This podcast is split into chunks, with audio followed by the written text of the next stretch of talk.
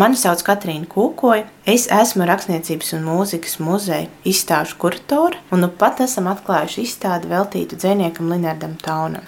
Un šoreiz sērijā, vai zini, ka pastāstīšu jums, kā nomierināt satraukušos kaimiņus, kad Ellis ķēķī notiek jautrība. Ellis ķēķis, jeb Hell's Kitchen, ir rajons Ņujorkā, netālu no Times Square, kas bija īpaša pasaule ar veciem sešstāvu īres namiem, ar sīkiem veikaliņiem, ēdnīcām, tavernām, ar visdažādāko tautību jauniešiem, jūrniekiem, saules brāļiem. Turpat netālu bija osta ar zivju un ūdeņu smaržu, un tur 50. gadu sākumā izveidojas latviešu dzēnieku kopa.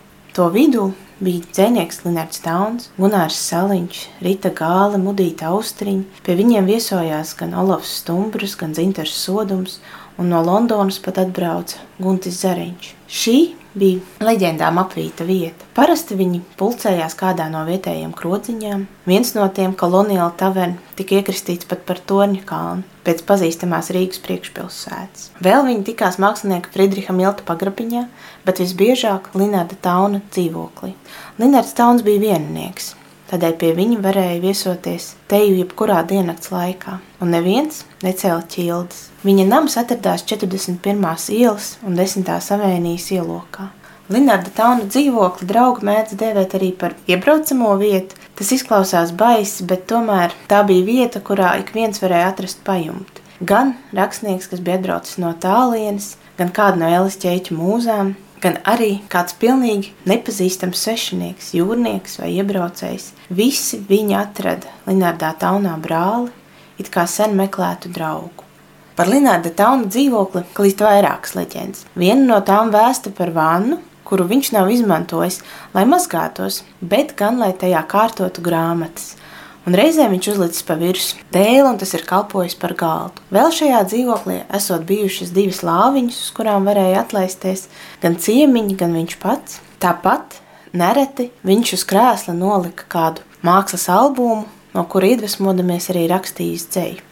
Tad, kad dzīvoklī sapulcējās vairāk ļaužu un uh, ballīte sāka skanēt augstos toņos, tad kaimiņi nebija laimīgi un sāka daudzīt pa sienām, griestiem un grīdām ar slotas kātiem. Un tad vienīgās zāles bija uzdziedāt Happy Birthday, jo skaidrs, ka tad, ja svin dzimšanas dienu, tad tas ir piedodams.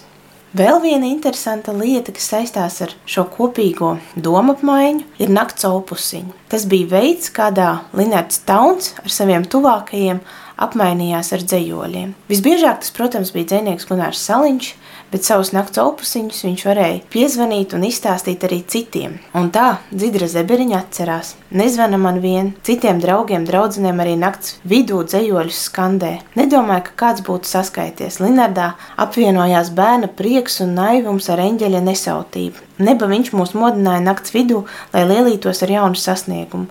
Mēs kopā godinājām mūzes jaunāko dāvanu. Savukārt Gunārs Saliņš atcerās, ka visdruģainākā saspēle ar Linārdu Taunu izvērtās laikā, kad tapa abu divu grāmatas Miglas Kroks un Linārdam Taunam mūžīgais mākonis. Tikāmies un sazvanījāmies jebkurā stundā, lai tikai nolasītu viens otram jaunāko dzējoli.